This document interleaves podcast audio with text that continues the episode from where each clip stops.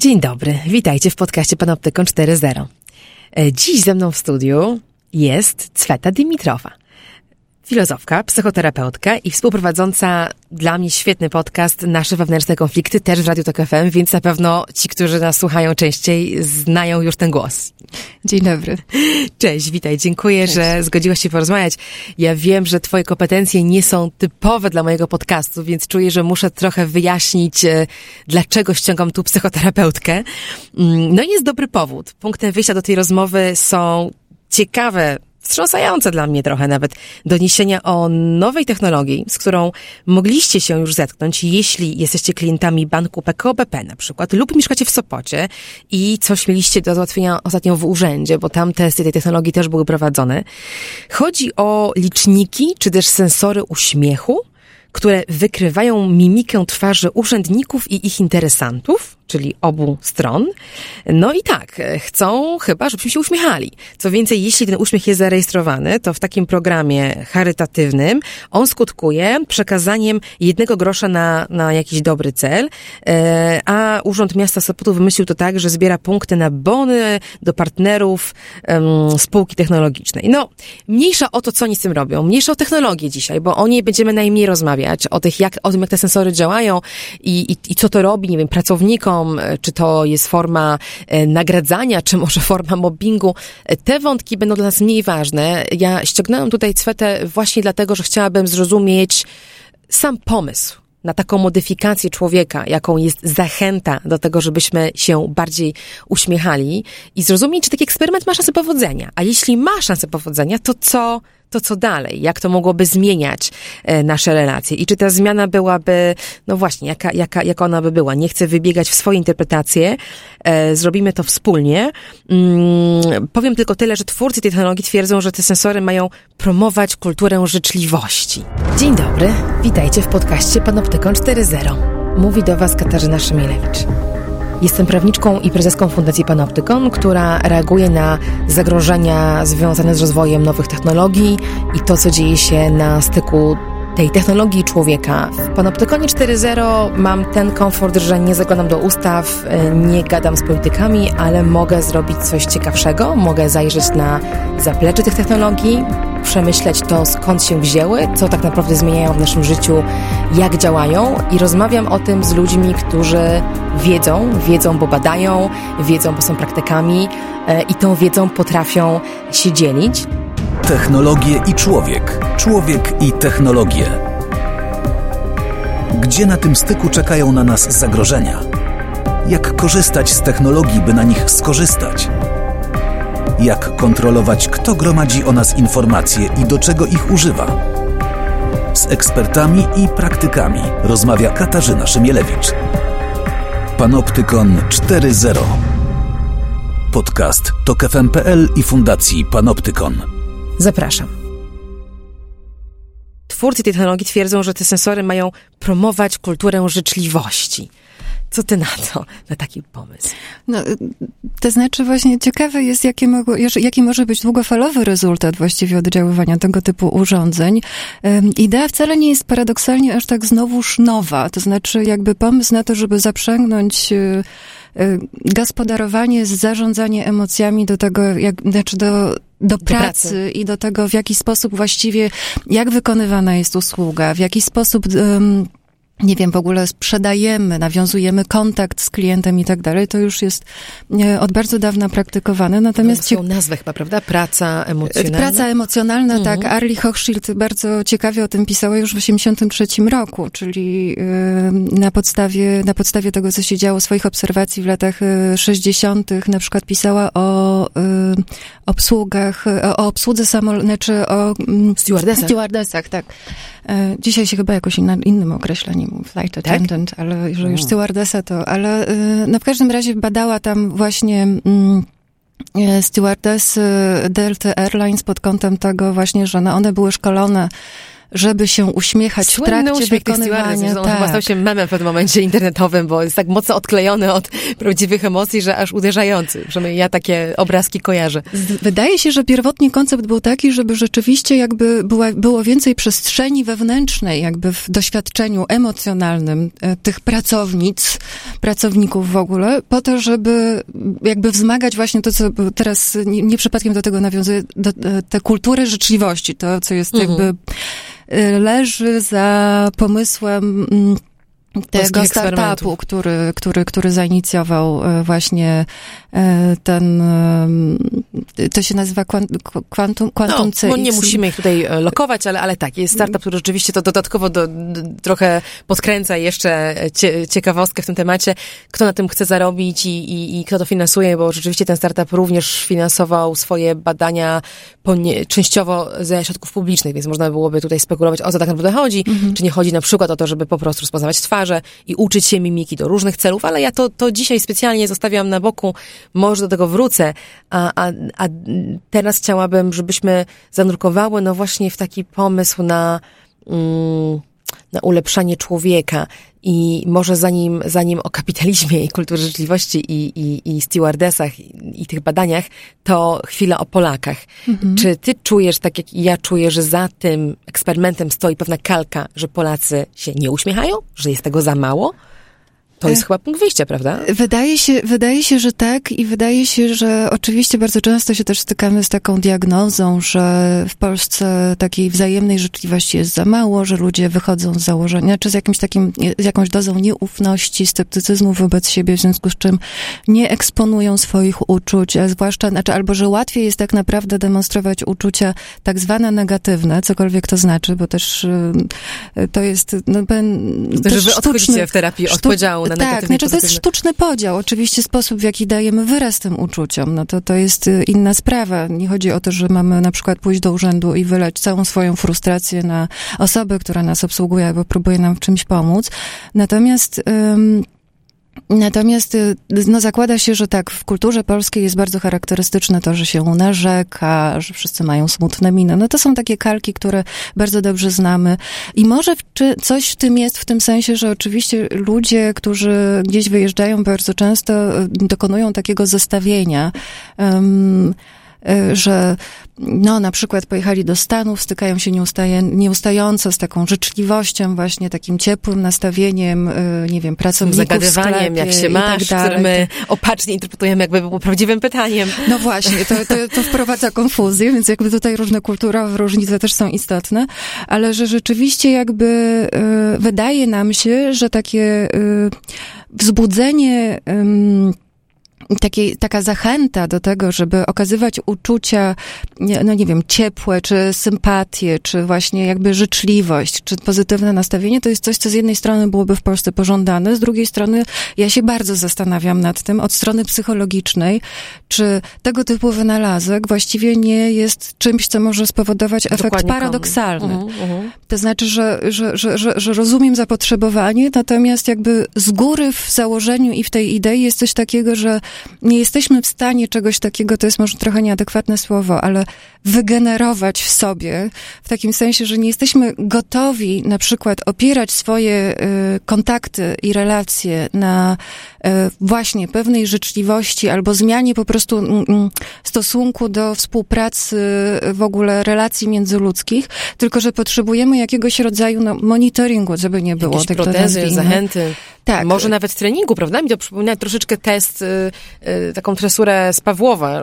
Jeżeli byłaby nagroda, jeżeli by tak było, że za każdy uśmiech może odroczony, ale jest nagroda, może taki jest ten pomysł, że będziemy wytresowani do tego, żeby nam te kąciki raczej szły w górę, nie w dół. No, w tym koncepcie tak jest, y, że, że rzeczywiście jakieś nagrody są i to jest oczywiście sprzedawane w postaci takiej no, promocji idei no, takiego zysku dla wszystkich, w takim sensie, Mhm. że, że tutaj, prawda, pracownik, który się uśmiecha, to pracownik, który przy okazji kontrybuuje do jakichś wyższych celów, Jeszcze to znaczy tutaj... nie tylko uśmiechem, ale jeszcze czymś nawet materialnym. e, Na przykład te Tak, albo umowne, biedne dzieci, na które będziemy potem przekazywać pieniądze. Tak, pieniądze na cel charytatywny, albo no, że właśnie, że ten klient nie dość, że jest zadowolony z interakcji z, z pracownikiem e, obsługi banku, dajmy na to, to jeszcze ma e, dodatkowe benefity w postaci tego, że też jakby właśnie on się przyczynia do wzrostu do,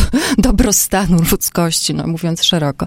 Ale to jest, e, to jest wydaje się jednak Mm, Dosyć, to znaczy, to jest podane w takiej formie, że w tym jest bardzo dużo teoretycznie swobody, czyli właściwie jest to system, który miałby do czegoś zachęcać, czyli pod spodem jest taki przekaz, to jest absolutna wolność, to znaczy pracownik ma prawo wybierać, czy on y, się uśmiecha, czy nie. To tylko służy temu, żeby polepszyć, jakby, żeby Mhm. zmotywować. Najwyżej będzie musiał się, musiał się zmierzyć z tym, że tego dnia jakieś biedne dziecko dostało mniejszą dotację przez to, że się nie uśmiechał. No trudno. No tak, ale to też nie jest tak, że y, przynajmniej w ramach tego wynalazku, ja przypuszczam, że tutaj kwestia technologiczna też y, może stoi jakoś na przeszkodzie, ale że tutaj jest tylko kwestia wyczulenia jakby na, to znaczy, że te sensory są w stanie tylko wyłapać mimikę twarzy, czyli to, jaki, jaki jest, y, jaka jest ekspresja emocjonalna, a nie kto jej dokonuje. Czyli, że nie są w stanie przypisać tego danej osobie i teoretycznie też pracownik jakby nie jest w stanie, y, znaczy pracodawca nie ma wglądu w to, który z Tak, tak, pracowników. teoretycznie tak, bo co, co ciekawe, jeszcze o tym nie wspomniałam, ale ta sprawa nie tylko nas poruszyła, Fundację Panoptykon, przez tą swoją ambiwalencję właśnie, którą ty świetnie opisujesz, bo z strony chcemy, chyba wszyscy chcemy żyć w świecie, w którym ogólnie jest przyjemniej, tak, i ludzie są życzliwsi, no dlaczego No, nie? Jesteśmy dla siebie m, m, bardziej y, mili Tak. albo otwarci i Dokładnie tak tak, dalej. to, to, to nie jest zły cel, ja też się z nim zgadzam, tylko metoda gdzieś budzi, budzi duży sprzeciw. Do tego stopnia, że e, Rzecznik Praw Obywatelskich też zainteresował się tą sprawą i miesiąc po pierwszych doniesieniach medialnych o tych, o tych pilotażowych mm, działaniach em, w Sopocie i w, i w banku, e, do banku z, wydaje mi się poszły pisma z dokładnie na, na tym tle, tak, e, ochrony godności i prywatności pracowników, no i odpowiedzi prezesa PKO BP były uspokajające w tym duchu, który, który przywołałaś ty przed chwilką, mówiąc, że, że tak, że to jest dobrowolne, że ludzie nie są rozliczani z tego, ile się uśmiechnęli, nie są karani za, za brak tego. No taka, taka miła po prostu yy, rama, Inicjatywa. inicjatywa, która ma nas wprowadzać w jakiś lepszy nastrój. No ale w, właśnie, w praktyce to może działać bardzo różnie. Mnie zaskoczyły, a może uspokoiły reakcje internetu, który bardzo wyczuł to. Od razu jakby poszedł w kierunku, którego ja się bym właśnie spodziewała, którego bym chciała po ludziach, bo pojawiły się odniesienia do Huxleya, Orwella, Black Mirror, Chin, e, czyli monitorowanie emocji, e, próba formatowania nas emocjonalnego, wciskania nas w jakąś ramę, oczywiście Bareja, e, śpiewanie prezesowi klubu e, albo do szafy, e, Joker jako maska, którą musimy założyć, że okej, skoro idę do pracy i nakładam jakiś dress code, jakieś ubranie, którego do mnie się wymaga, no to też nałożę maskę. I ta maska może być równie groteskowa jak maska Jokera. Ten uśmiech przecież nam się wcale dobrze, dobrze nie kojarzy. Mm, Trening właśnie taki mm, na motywach z Pawłowa, trenowanie ludzi jak, jak psów do tego, żeby się jakoś zachowywali.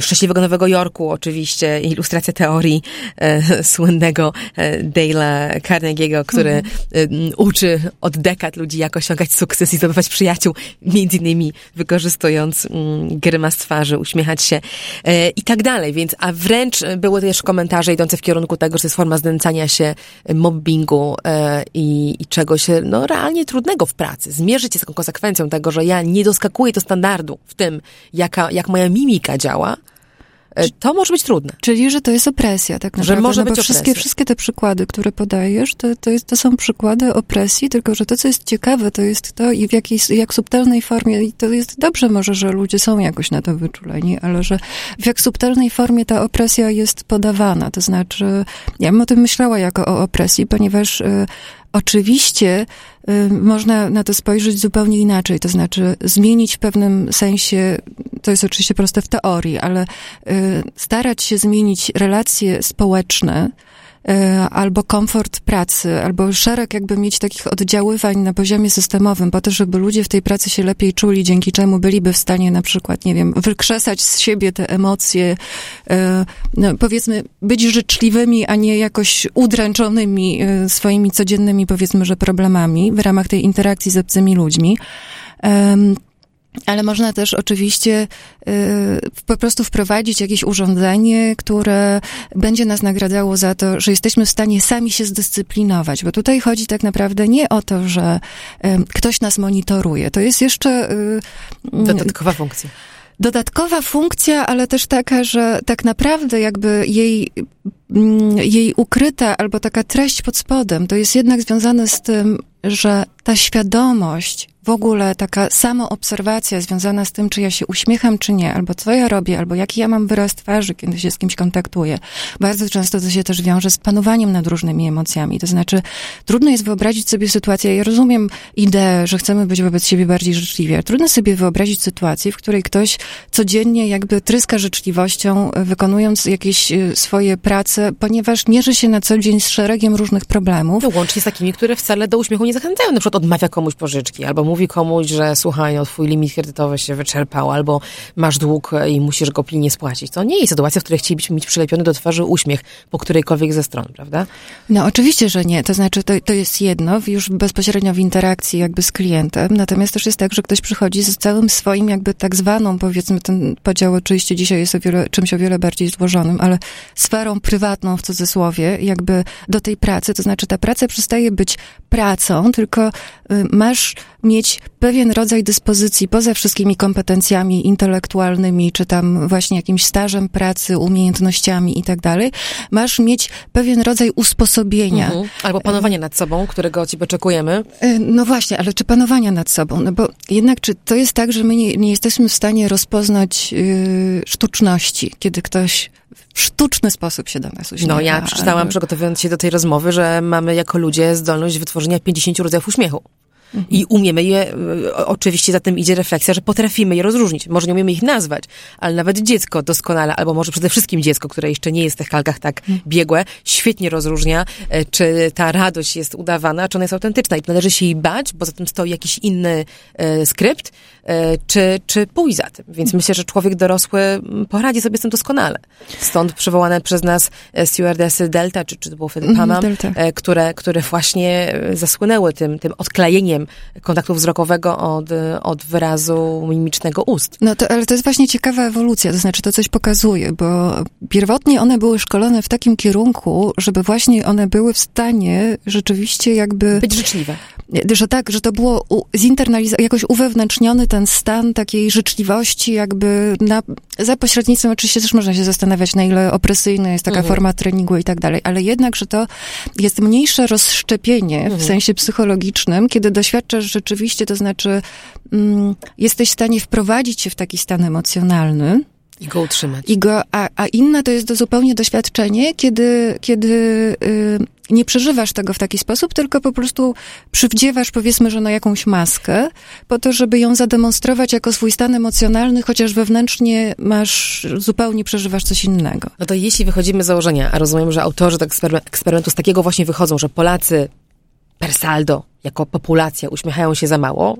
Y, badania CBOS-u zresztą na ten temat też są, o dziwo, y, i y, z nich wynika, że to są deklaracje. Oczywiście nie mamy sensorów jeszcze w miastach, więc to są deklaracje, a nie badania.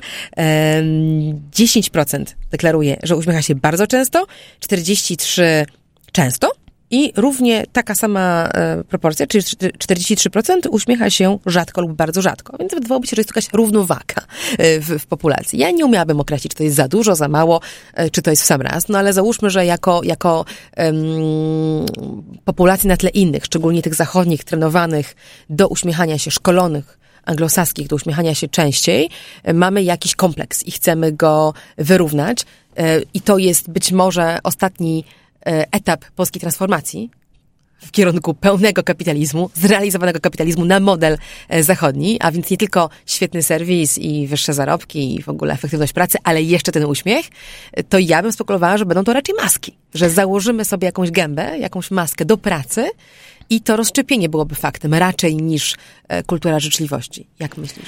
E, wydaje mi się, że to raczej w takim kierunku mogłoby zmierzać i, i to jest zawsze pytanie o to, jakie są tego koszty emocjonalne. No właśnie. Ja uważam, że cena, jaką się płaci za to, żeby w pewnym sensie, oczywiście jesteśmy zmuszani w wielu sytuacjach społecznych do tego, żeby nie dawać pełnej e, ekspresji, wyrazu swoich stanów emocjonalnych, ponieważ nie bylibyśmy w stanie funkcjonować, dogadywać się, załatwiać różnych spraw i tak dalej. Jakby i jest tutaj pewne, pewien konsensus co do tego, że no w, jakby w ramach struktury społecznej mamy pewne normy zachowań, które są regulowane niekoniecznie przez emocje, więc jakby mnie to interesuje, dlaczego jakby to przesunięcie dokonuje się już na taki poziom oddziaływania, który jednak jest bardzo intymny. To znaczy, i, i właśnie to jest pytanie, czy to jest próba oddziaływania na tym, co jest demonstrowane i pokazywane, e, czy to jest próba oddziaływania na to, właściwie co my czujemy i co przeżywamy? Bo właściwie intencja tak naprawdę tego typu e, koncepcji jest taka, żeby być w stanie na użytek klienta i tak dalej manipulować nastrojem. Manipulować nie mówię tutaj w sensie jakichś ukrytych intencji i tak dalej, ale w ogóle jakby zarządzać właśnie. No ta praca emocjonalna, o której wspomniałyśmy, prawda? Tak. Mhm, ten pomysł, że praca, każda praca stanie się pracą emocjonalną, bo y, może, czy ja dobrze stwarzam, że to pojęcie pracy emocjonalnej, ono było spięte spe, ze, specyf ze specyficznymi zawodami. No takimi właśnie jak owe stewardesy, gdzie pamiętajmy, one pracują pod ogromną presją i ludzie w samolotach są często no, poważnie zestresowani, więc ja mogę sobie dobudować tam nawet jakieś pozytywne powody, dla których ten uśmiech tam no, ma rację bytu, większą niż gdzie indziej, tak? Ale czy my chcemy teraz uczynić ten sam standard e, obsługi przenieść na wszystkie usługi, jakie istnieją, łącznie z tymi może nieprzyjemnymi albo trudnymi, jak e, To właśnie... jest robione już myślę, że od dłuższego czasu, więc to nie jest wcale i tutaj, i tutaj jest nie tylko próba oddziaływania na poziomie takim e, tego, jaki w, stanie, jaki, w jaki stan afektywny jesteśmy w stanie wprowadzić drugą osobę, samemu mając określony wyraz twarzy, czyli generować jakby za pośrednictwem własnej ekspresji, generować stan i przeżycie wewnętrzne drugiej to już osoby. trochę brzmi jak NLP dla mnie. Ale to jest troszkę... Na emocje. E, jestem absolutnie przekonana, że to jest y, szeroko praktykowane, ale teraz to już zahacza też o różne inne obszary oddziaływania, właśnie na poziomie takim wyczuwania nastroju, w takim sensie, że oddziaływania zarówno na przykład w tych różnych placówkach za pośrednictwem poziomu, sposobu dostrojenia światła, mhm. wyglądu wnętrza, kolorów, ilości bodźców, zapachów. E, to, co tutaj jest jakby interesujące, to jest to, że to jest taki poziom oddziaływania na um, świat wewnętrzny człowieka, że on nie jest świadomy w dużej mierze tego, to znaczy on może umieć sobie to opowiedzieć, ale nie jest w dużej mierze świadomy tego, że to się z nim dzieje. Więc to, o czym ja mówiłam, wracając do tego, y, że jest się wolnym do tego, żeby właściwie wspomóc się takim urządzeniem, żeby być bardziej życzliwym i, i, i, nie wiem, krzewić jakąś taką kulturę, yy, nie wiem, opartą na jakiejś wzajemnej sympatii i tak dalej. Czy wyższe jest zafałszowaniem w ogóle relacji międzyludzkich, w moim przekonaniu, yy, bo no tu internet jest po twojej stronie, tak? Że ludzie nie chcą tego fałszu, obawiają się tego fałszu, nie chcą żyć w, tej, w, tej, w tym świecie barei. To znaczy obawiają się w tym sensie też, myślę, że bardzo słusznie i adekwatnie, ale tu są różne rzeczy. Można się jeszcze chronić przed tym, że zakładam albo przypisuję komuś. No, paradoksalnie to właśnie tworzy brak zaufania, a nie to, czyli właśnie... Bo wyczuwamy, tak jak to dziecko, coś jest nie tak. On ze mną, ona, on tym uśmiechem dziwnym w coś ze mną gra. Do tego stopnia, że myślę, że nawet jeżeli ktoś by tego nie robił, to można mieć z tyłu głowy taką myśl, że no tak, ona się uśmiecha do mnie, ale tak naprawdę nie uśmiecha się do mnie. To jest taka e, jakby też odpen, odpersonalizowanie jakby tych emocji. Znaczy ona się, nie, ten pracownik e, nie mówi do mnie jakby miło, ponieważ, e, nie wiem, jest mi życzliwy, albo ma dobry dzień, albo cokolwiek, tylko mówi do mnie w taki sposób, ponieważ ma taki interes, bo chce mi coś sprzedać, bo y, ktoś go do tego zmusza i tak dalej. To znaczy, to powoduje, że ja przestaję patrzeć na człowieka z perspektywy jakby, po, postrzegać jako jakiś, go jako jakiś rodzaj całokształtu, mhm. tylko zaczynam jakby jednostkowe... To rozszczepienie staje się też moim udziałem. Ja też w to wchodzę i tak. szukam tam podwójności. Tak. Tak, mhm. ale i to jest jeden poziom, ale od niego jeszcze wydaje mi się, że można się dystansować. Natomiast to, co jest trudne, to jest dystansować od własnego stanu. No właśnie o to chciałam cię zapytać, tak, żebyśmy się przy tym zatrzymały, bo to jest dla mnie bardzo ciekawe. Wiemy coś o konsekwencjach takich eksperymentów na osobach, które taki uśmiech wymuszony, no tak go nazwijmy, mm. generują? No na przykład w Japonii powstało, powstało takie, yy, powstał taki termin Smile Mask Syndrome to e, mhm. japoński psychiatra e, pracujący w Osace e, z kobietami, które w Japonii zazwyczaj częściej pełnią tego typu funkcje. To znaczy właśnie, że mają pracę, która jest ściśle skorelowana z takim zapotrzebowaniem na to, żeby okazywać życzliwość, właśnie być miłym dla klienta i tak dalej. No, na przykład no, w różnych takich usługach typu um, restauracje, recepcje, no różne takie właśnie, gdzie kontakt, że, gdzie pozostawienie tego sympatycznego kontakt. wrażenia, tak, jakoś kontrybuuje do tego, że dany klient chce wracać, jakby korzystać z tych usług i tak dalej, e, że on zauważył coś takiego, że kobiety, które wykonują, te, znaczy, że na przykład jego studentki były w, w trakcie rozmowy, nawet mówiąc o rzeczach, które były dla nich trudne na przykład, albo przykre, albo no, ewidentnie dla nas jest jasne, że nie kojarzone z pozytywnymi uczuciami, w dalszym ciągu się uśmiechały. I że właściwie jakby nie były w stanie usunąć mhm. z twarzy właśnie tej maski, to znaczy pewnego rodzaju napięcia na poziomie mięśni, które powstaje na skutek bardzo długiego, wyuczonego takiego yy, no, utrzymywania takiego stanu. To znaczy, że jest bardzo trudno później w pewnym sensie wrócić do takiego stanu naturalnego, no bo to jest też znaczy, nam się to może wydawać abstrakcją, ale ja się obawiam, że to zmierza w takim kierunku. Um, Chociaż taka koncepcja nerwowego uśmiechu u nas w kulturze też myślę, że już, już, już ją czujemy, prawda? Że ktoś tak się nerwowo uśmiecha, pokrywa uśmiechem zmieszanie, albo jakąś tajemnicę, coś niewygodnego, że to może być też w tym kierunku. Ale tak, ale to może jeszcze pełnić taką, powiedzmy, że pozytywną funkcję obronną w takim sensie, że psychologicznie może okay, chronić przed mhm. przeżywaniem, mhm. przed przeżywaniem jakichś bardziej, nie wiem, no, trudnych uczuć, albo okazywaniem ich, albo nie, nie okazywaniem ich w sytuacji, która nie jest do tego adekwatna. E, natomiast to, co jest ciekawe w przypadku, w przypadku tego syndromu, o którym e, mówi ten e, japoński psychiatra, chyba Masoko Natsumi się nazywa, nie pamiętam dokładnie. Makoto Natsume, przepraszam. Mamy to. Mhm. To,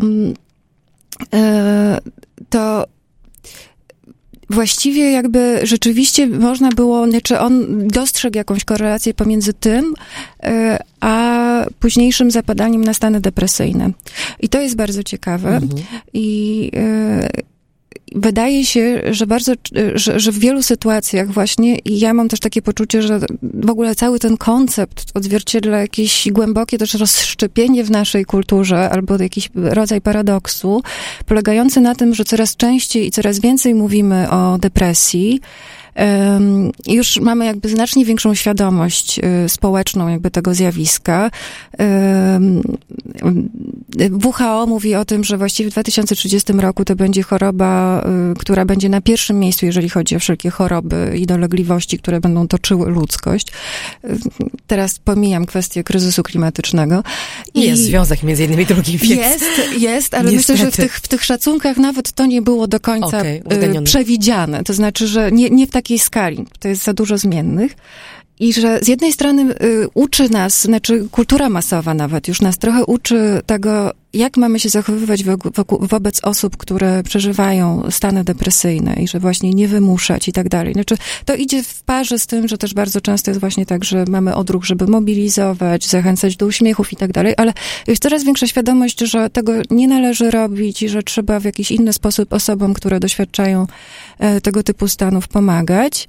A z drugiej strony, y, w tym samym czasie mamy kulturę, w której chcemy jakby właśnie krzewić życzliwość za pośrednictwem narzucania określonych form przeżycia, co implikuje siłą rzeczy, że mamy jakby uczucia i stany emocjonalne, które są pożądane i nie. I one nie mhm. są regulowane przez inny rodzaj stosunków społecznych, czyli przez to, że mamy pewne normy zachowań w określonych sytuacjach, tylko że, tak jak sama powiedziałaś, bez względu na to, jak przykrą informację mam panu do przekazania i bez względu na to właściwie, że y, pana sytuacja obiektywnie życiowa jest y, trudna albo dramatyczna, to ja panu to podam w takiej postaci, żeby było miło. Mhm. I tak dlatego przywołałam te, te stewardessy, bo to mi się w tamtej sytuacji, jeżeli jest, jest kryzys na pokładzie, ktoś panikuje, nie wiem, y, doznaje ataku duszności, to może, nie wiem, nie znam się, ale mogę, mogę spekulować, że uśmiech może jakoś podprogowo coś polepszyć, mhm. zadziałać, bo to są też bardzo emocjonalne stany. Ale kiedy ja idę do banku załatwić kredyt i jestem spięta, bo na przykład nie chcę tego robić, ale muszę, albo idę do urzędu i już nie chcę przywoływać naprawdę y, tak pochówków i, i, i, rozwodów, ale nawet sytuacja, cokolwiek, podatek, coś, co nie pozostawia mnie w, w nastroju radosnym, coś wyjaśniam, jest jakaś trudność po drodze, wolałabym mieć skupionego, poważnego urzędnika, który wchodzi w to razem ze mną i uznaje też tę trudność i jest w tym, w tym obok mnie, a nie kogoś z maską na twarzy, z maską Jokera, albo nawet ze szczerym uśmiechem, ale trochę dla mnie zaskakującym, prawda? Nieadekwatnym to, do sytuacji w twoim, w twoim przeżyciu. I może jest tak, że w kapitalizmie bardzo rozwiniętym, gdzie wszystko jest usługą, mam to na, na świeżo, niedawno podróżowałam przez lotnisko Heathrow, które no, jest w tej kulturze anglosaskiej zatopione i oni tam teraz stoją, jak wiele innych lotnisk, e, bramki elektroniczne, do, które wykrywają nasze twarze na paszportach mhm. i to usprawnia przepływ ludzi, ale formalnie ta sfera to jest cały czas tak zwana immigration, czyli kontrola przepływu ludzi przez granicę. Mhm. Poważna sprawa. I na koniec tego jest taka kontrolka, gdzie się wciska e, przycisk e, z uśmiechem lub bez uśmiechu lub e, smutną buźkę e, z pytaniem, w odpowiedzi na pytanie, jak ci było w tym doświadczeniu emigracji? Imigracji, to brzmi kuriozalnie po polsku, no ale how was your immigration experience, tak? Today. I to mnie zatrzymało na chwilę dłuższą. Pomyślałam sobie, co się dzieje. My próbujemy nawet relacje władzy ubrać, przebrać w usługę. W tym kapitalizmie bardzo rozwiniętym, szczególnie właśnie w formie anglosaskiej, usługa wygrywa, marketing przygrywa wszystko. Nawet opresja jest gdzieś ukryta pod tym marketingiem. Tak? No nie wpuszczamy tych klientów, no masz przecież nie wolność wyrażenia swoich uczuć z tym związanych. Masz pełną, po prostu właściwie masz instrument, który jest ci dostarczony do tego, żeby pokazać natychmiast jakby jak ty ewaluujesz... Moje e, doświadczenie, być tak. obsłużoną, mimo tego, że za tą obsługą stoi aparat państwa, bezpieczeństwa, który mógł mnie e, równie dobrze nie wpuścić puścić, zatrzymać i potraktować bardzo źle.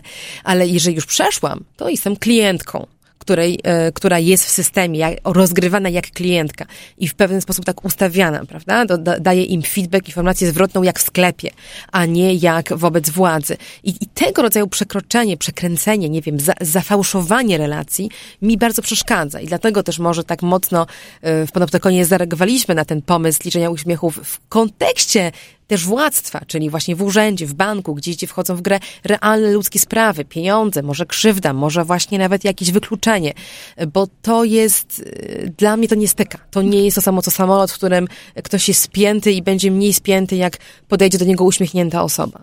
Jak mówisz o tym, to mam, mam myśli jakby w, w, różne strony z powodu różnych moich orientacji, moje y, myśli idą, ale jest takie przekonanie, myślę, że psychologicznie w niektórych sytuacjach się sprawdza, że w momencie, w którym przybierasz określoną pozę, y, na przykład ciała, y, czy naśladujesz y, jakiegoś rodzaju uczucie, to jesteś w stanie się w ten stan mniej lub bardziej wprowadzić.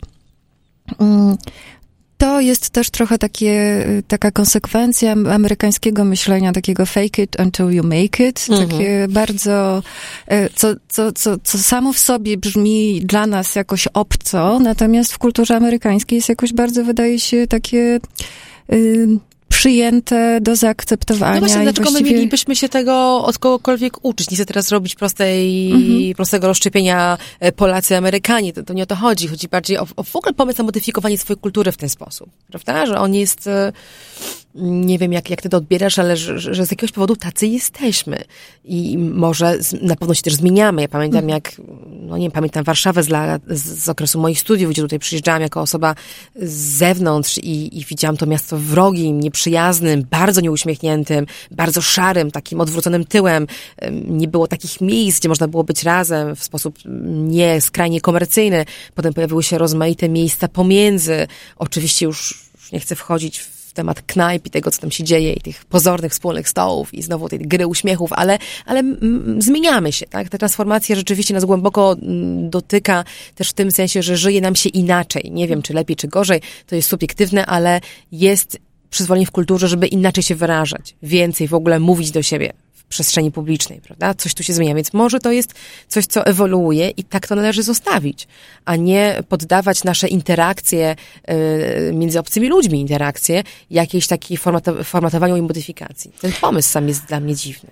To znaczy, ten pomysł nasuwa rzeczywiście skojarzenie z e, takim, e, z nadzorem, jakby nomen omen panoptyką tutaj oczywiście Bardzo jakby pasuje. jest pierwszym, pierwszą myślą, która się nasuwa, ale wydaje się, że on jest ekspresją czegoś głębszego i czegoś dalej idącego i też zjawiska, które oczywiście na Zachodzie zostało dosyć dobrze rozpoznane już jakiś czas temu, e, czyli wcale nie chodzi o taki rodzaj nadzoru, bo ty zwróciłaś uwagę na kwestię e, relacji władzy właśnie w sytuacjach takich, nie wiem, załatwiania różnych, różnych spraw w urzędzie, już nawet nie mówiąc o przekraczaniu granic i tak dalej, ale nawet o takich rzeczach, które są, no, mniej z punktu widzenia sytuacji życiowej człowieka, nie wiem, ryzykowne i tak dalej. To to, to, to, to już nie jest, tu nie chodzi o obserwację i wydaje mi się, że to oddziaływanie na emocje jest właśnie z innego porządku, bo tu nie chodzi o obserwację, czyli o nadzór, który jest jednak na poziomie instytucjonalnym, to co nam się kojarzy z takim właśnie y, panoptykonem w społeczeństwie dyscyplinarnym, takim Foucaultowskim, tylko to jest coś, co jest charakterystyczne dla społeczeństwa kontroli. E, to już jest... Mhm, e, to proszę wytłumacz. To jest, e, to jest trochę takie rozwinięcie, znaczy Gilles Deleuze, francuski filozof, który no, właśnie nawiązywał do, do Michela Foucaulta, o którym teraz, do, do którego tutaj nawiązanie przed chwilą się też pojawiło. W latach 90. napisał taki tekst postscriptum o społeczeństwach kontroli i tutaj jakby jest, nie, nie, nie będę przytaczać jakby treści tego artykułu, bo nie w tym tym rzecz, ale wydaje się, że przesunięcie jakby dotyczy czegoś dużo bardziej zinternalizowanego, to znaczy takiego, że właściwie to urządzenie nie służy temu, że jest tak jak nawet w takim systemie panoptycznym. Nigdy nie wiesz, kiedy jesteś obserwowany, w związku z czym jakby sam siebie obserwujesz i nadzorujesz. Ale tutaj pod płaszczykiem jakby absolutnej wolności tak naprawdę, y, czyli właśnie wolności... I korzyści raczej niż straty, bo tu nie ma straty, tu jest tylko korzyść. No tak. uśmiechasz tak. się, jest korzyść, nie uśmiechasz się, jest okej, okay, jest tak samo. Wolności do wyrażania swoich uczuć lub niewyrażania ich, czyli takiego właśnie wyboru, w którym możesz być życzliwy, a może nie. I to urządzenie może ci w tym pomagać, żeby rozpoznać, jak często to robisz, a może wcale nie musisz i tak dalej. E, tak naprawdę jakby dostajesz jakiś przekaz, już teraz idę bardziej w stronę psychologiczną, dostajesz jakiś taki przekaz, że są stany, które są pożądane mhm. i stany, które są niepożądane. Mhm.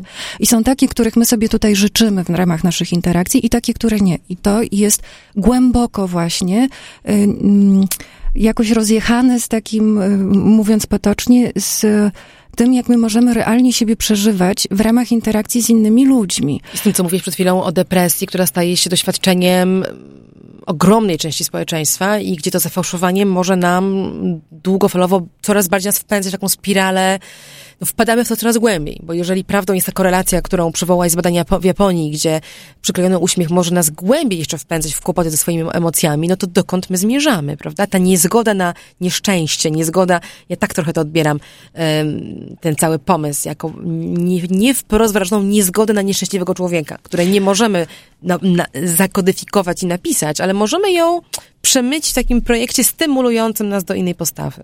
Wyparcie takich y, po prostu stanów afektywnych, bo ja bym naprawdę już nawet, bo emocje to jest jeszcze coś, co jest jakby z takiego stanu, to znaczy coś, co jest jeszcze z takiego obszaru doświadczenia mentalnego. Natomiast afektywne to już jest takie, że no, no to na poziomie cielesnym, to znaczy Aha. jakoś sprzężone z takim, no takie bardzo, powiedziałabym, pierwotne. Mhm. E, że, że, że, że pewne że te obszary mają jakoś być zagospodarowane, że tutaj jakby nie ma czegoś, nie ma co jest autentycznym. przypadek albo e, doświadczeniem, bardzo często adekwatnym w sytuacji, w której e, no, jeżeli ja się dowiaduję właśnie, że mam jakieś bardzo poważne problemy finansowe, albo że nie otrzymam kredytu, a jest to dla mnie kluczowe w tym momencie, jakby w moim życiu, ponieważ e, coś się dzieje poważnego, no to interakcja z drugim człowiekiem, w której zachowana jest taka życzliwość, że to jest kompletne zaprzeczenie tak naprawdę Nawet temu, co uśmiech ja współczucia, który będzie fałszywy, bo ta osoba mi nie współczuje, ona jest tam w roli no, przekazującego informację, ni żadnej innej, będzie trudne, prawda? Ona może współczuć. Dla mnie to jest właśnie kłopot taki, że nawet ale taka nie, osoba... nie powinna musieć. Te, tak, ale taka... to nie zabrzmiało. Oczywiście, tak, ale taka osoba też, yy, no, mi się to kojarzy z jakąś alienacją właściwie. Głęboko wchodzimy w tego Marksa, jednak tak myślałam, że skończy się no, z taką alienacją pracy. Ali, ali, znaczy alienacja pracy to jedna, ale alienacja właściwie Emocji, stanów no. emocjonalnych i doświadczenia psychologicznego, no bo tak naprawdę ja, ja mogę różne rzeczy przeżywać, ale muszę coś w określony sposób zaprezentować i odklejam się od swojego stanu, znaczy od swojego rzeczywistego doświadczenia, odklejam się na użytek tego, co jest pożądane społecznie. No i tak właśnie jest też z pracą emocjonalną, o której właśnie Hochschild pisała. Mm, to może też iść dalej właśnie w taką, nawet myślenie w kategoriach pracy afektywnej, ale wydaje się, że no, że, no, że właśnie jakby tutaj zaprzęgnięty jest nie tylko ten element takiej psychologicznej, y, właśnie czyli stanu mentalnego. No, uczucia i emocje to jest jednak coś, co jesteśmy w stanie troszkę bardziej konceptualizować niż y, E, niż właśnie na pewien rodzaj takich odruchów, które mamy, to znaczy takich... Które powinny być nasze własne, spontaniczne i nie, nieformatowane, bo jeżeli takowe się stają, to zaczyna nam taka forma modyfikacji może nam się odbić psychologicznie potem. Znaczy one też są w jakiś sposób. One też są w jakiś sposób formatowane, tylko, y, tylko że mm, no one jednak nie są czymś, czym jesteśmy w stanie świadomie w takim stopniu zarządzać. To znaczy, że, bo tutaj emocje to jest jedno, a nastrój to jest coś innego. I wydaje mi się, że to, y, do czego chce się przebić, jakby tego typu, chcą się przebić tego typu technologie, to jest jednak nie emocja, którą to wywołuje, tylko nastrój. Nastrój, czyli czy na przykład y, jestem w stanie, wchodzę do sklepu, i y, jestem atakowana różnego rodzaju bodźcami, które wprowadzają mnie w nastrój y, smutny. I wtedy jestem skłonna sięgnąć po taki czy inny... Pocieszacz produkt, tak, na przykład. Albo właśnie, nie, nawet po produkt, który jest dostrojony z moim stanem emocjonalnym. Taki, że no, teraz może nie będę szaleć i inwestować w jakieś, nie wiem, y, to nie wiem, jakieś ekstrawaganckie rzeczy, ale właśnie jakby zadbam o swój komfort psychiczny mhm. i na przykład sięgnę po coś konkretnego. no bo właśnie to jest trochę taka idea no, ingerencji w to, w jaki sposób właściwie regulujemy w ogóle swoje emocje i że to już nie jest coś, czym my jesteśmy w stanie, na co my mamy wpływ i z czym my możemy sobie radzić, tylko że one są w jakiś sposób regulowane czynnikami zewnętrznymi. To dostrojenie, o którym mówię, jest bardzo ważne. Znaczy teraz jakby bardziej idąc w stronę taką psychoterapeutyczną, że, że właśnie człowiek bardzo często potrzebuje jednak tego, żeby mieć jakiś rodzaj y, dostosowania afektywnego, znaczy takiego emocjonalnego ze strony drugiej osoby, w tym, że na przykład jeżeli ja y, jestem bardzo przybita i ktoś naprzeciwko mnie jest bardzo uśmiechnięty, mm, i co więcej, mam poczucie, że to jest bardzo pożądane, żebym ja też była, no to, to tak, to to wprowadza takie poczucie dysonansu właśnie i też alienacji w takim sensie, że y, ja ze swoimi takimi uczuciami, które bywają adekwatne po prostu, jestem niechciana w ramach tego społeczeństwa albo w ramach chociażby tej interakcji, tej relacji międzyludzkiej. Stąd tego mogą się wziąć te poważne, długofalowe zaburzenia czy problemy jeżeli mamy taką tresurę, czy, czy takie tak. oczekiwanie na co dzień. W największym, w największym mhm. skrócie tak, to znaczy jakby Y, czyli no, to jest pytanie, to znaczy, czy, czy tego typu instrumentarium właśnie, czyli pożądanie tego, żeby być wobec siebie życzliwym i uśmiechniętym, to jest coś, co rzeczywiście w niektórych sytuacjach może sprzyjać temu, żeby y, ludzie wobec siebie byli jakoś bardziej mili, y, pomocni i tak dalej ale może też generować poczucie właśnie jakiegoś kompletnego dysonansu, to znaczy zderzenia ze ścianą, właśnie przy tematach, o których przed chwilą rozmawiałyśmy, czyli takich, gdzie y, y, gdzie być może pewien rodzaj jakby empatycznego rozumienia, nie mówię o, o, głębokim wchodzeniu jakby w, w, relację emocjonalną, jest czymś, czego człowiek bardziej potrzebuje niż, y, niż takie wyciąganie go w stronę tego, co uchodzi za pozytywne. Znaczy Mhm. w ogóle to, ta idea tej życzliwości w tym wymiarze mi się też kojarzy z czymś takim bardzo lukrowanym. Znaczy takim, nie, nie, chcę, nie chcę tego potępić tak straszliwie i powiedzieć, nie, ja jestem po prostu tutaj Z zwolenniczką natury tego. jestem y, Żeby, nieżyczliwa. żeby było Nie zgadzam się na... sceptycznie, smutno i tak dalej. To znaczy, ja raczej jestem zwolenniczką idei, że to, co istnieje, Ma ma, ma prawo istnieć też. A tutaj subtelnie dostajemy komunikat, że no może Pewne niekoniecznie. stany są, są mniej pożądane. Tak, myślę, Mhm. że to, co powiedziałaś wcześniej o, o tym roz, rozszczepieniu narracji, z jednej strony uznawaniu przez nas jako społeczeństwo, że są rozmaite stany emocjonalne i trzeba sobie z nimi społecznie też radzić, czyli uznawać je właśnie, dawać im miejsce, a równolegle ta narracja, która jeden z nich, jedną z możliwych interakcji, czyli życzliwą z uśmiechem, stawia wyraźnie jako wzorzec, to jest... y, trudne i chyba szczególnie trudne dla, dla nas. Nie wiem, czy Polacy są bardziej po, po, po, po, ponurzy? Są mniej się uśmiechają niż inni. Trudno mi to zaobserwować, ale na pewno jest coś na rzeczy w tej naszej walce o autentyczność i wyczuleniu na fałsz, na bareje, na, na jakieś klisze, które są nam narzucane.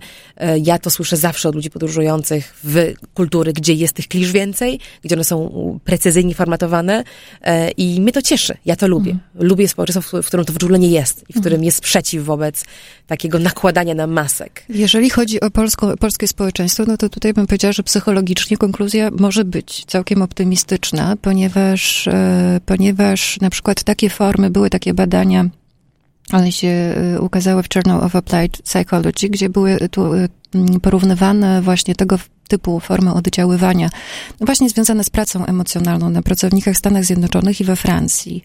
I jednak była pewna różnica, wystąpiła między tym, że osoby, które, we, znaczy we Francji było większe przyzwolenie kulturowe albo takie mniej jak, takiej dyrektywności albo w ogóle orientacji na ekspresję wyłącznie pozytywnych, e, ciepłych, życzliwych uczuć, em, co powodowało w pracowniku też jakby mniejsze samopotępienie związane z tym, że na przykład pozwala sobie też na, czy mówię to w pewnych ramach, no nie mówię o pozwalaniu sobie, no dobrze, no to w takim razie jak Rozładuje przeżywam tak, y, jakieś stany agresywne, no to też dam im upust w taki sposób, ale jakby nie wydaje mi się, żeby monitoring służył temu, żeby to kontrolować. To znaczy tutaj regulowanie emocji powinno się odbywać in, inaczej. I mamy bardzo wiele instrumentów do tego, zupełnie innych niż to, żeby mieć, no nie wiem, jakiś sensor na biurku, który No, nam no to już podpowiada. temat na, na, na inną rozmowę. E, Ale Jak to robić inaczej? Może, może ktoś ją przeprowadzi, może ją przeprowadzicie w swoim podcaście. Ale konsekwencje właśnie takie psychologiczne na tych pracownikach e, francuskich były, wydaje się, mniej dotkliwe. To znaczy, że to dawało większą przestrzeń na bardziej autentyczne przeżywanie, czyli bardziej spójne przeżywanie siebie, Mhm. e, niż sytuacja, w której jednak e, no, przeżywam siebie już tak, wracając do indywiduum, przeżywam siebie jako ktoś nieadekwatny, dziwny, y, nieciekawy, no już bardzo szereg różnych rzeczy. W związku z tym, że nie jestem w stanie wykrzesać z siebie y, pewnych stanów, a mogę nie być w stanie z bardzo wielu powodów, zarówno z przyczyn zupełnie obiektywnych, choruje ktoś w mojej rodzinie, ciężko choruje Albo i w ogóle. mam nietypową mimikę i maszyna sobie z nią nie radzi. I mój uśmiech nie przechodzi testu na uśmiech. Tak też może być. Tak też może być, aczkolwiek przypuszczam, że tutaj technologicznie to można... To będzie prostsze. Tak, y, rozwiązać. Y, No dobrze, czyli, czyli my stajemy w obronie spójności dzisiaj w tej rozmowie. Ja na zakończenie przywołam jeszcze y, Szymborską, kt- która napisała wiersz o uśmiechach i myślę, że ona to czuje, czuje dobrze, dobrze, dobrze trafia w ten punkt, nie mając pewnie całego tego unarzędziowienia psychoanalitycznego, które ty dziś nam tutaj Nie, wyłożyłaś. psychoanalitycznego akurat najmniej, ale filozoficznego na pewno. I to, to idzie mniej więcej tak. Ona zaczyna od tego, że mężowie stanu muszą się uśmiechać. Uśmiech oznacza, że nie tracą ducha. Twarz uśmiechnięta bardzo jest potrzebna dla obiektywów i dla zbiegowiska. Ludzkość braterska, zdaniem marzycieli, zamieni się w krainę uśmiechu. To jest ta wizja. No i teraz e, Szymborska kontrapunkt. Wątpią. Mężowi stanu, dajmy na to uśmiechać, by się tyle nie musieli. Tylko czasami, że wiosna, że lato, bez nerwowego skurczu i pośpiechu. Istota ludzka smutna jest z natury, na taką czekam i cieszę się z góry. Ona się cieszy na smutną istotę ludzką, bo taka jest prawdziwa. Więc dedykuję, dedykuję ten wiersz prezesowi PKO BP. do, dobra refleksję. konkluzja. Dziękuję Ci bardzo, że zgodziłaś się e, pokminić ze mną ten trudny, ambiwalentny temat. Ja bardzo dziękuję. Temat rozległy, bardzo interesujący. E, I, i, i, I żegnamy się z Wami. Przy mikrofonie Katarzyna Szemilewicz, a moim gościem była Cweta Dimitrowa. Dziękuję bardzo. Dziękuję. I do usłyszenia. Bądźcie z nami. Jak zwykle czekamy na Wasze komentarze, sugestie i przemyślenia. Do usłyszenia. Technologie i człowiek. Człowiek i technologie. Gdzie na tym styku czekają na nas zagrożenia? Jak korzystać z technologii, by na nich skorzystać? Jak kontrolować, kto gromadzi o nas informacje i do czego ich używa? Z ekspertami i praktykami rozmawia Katarzyna Szymielewicz. Panoptykon 4.0 Podcast to KFM.pl i Fundacji Panoptykon.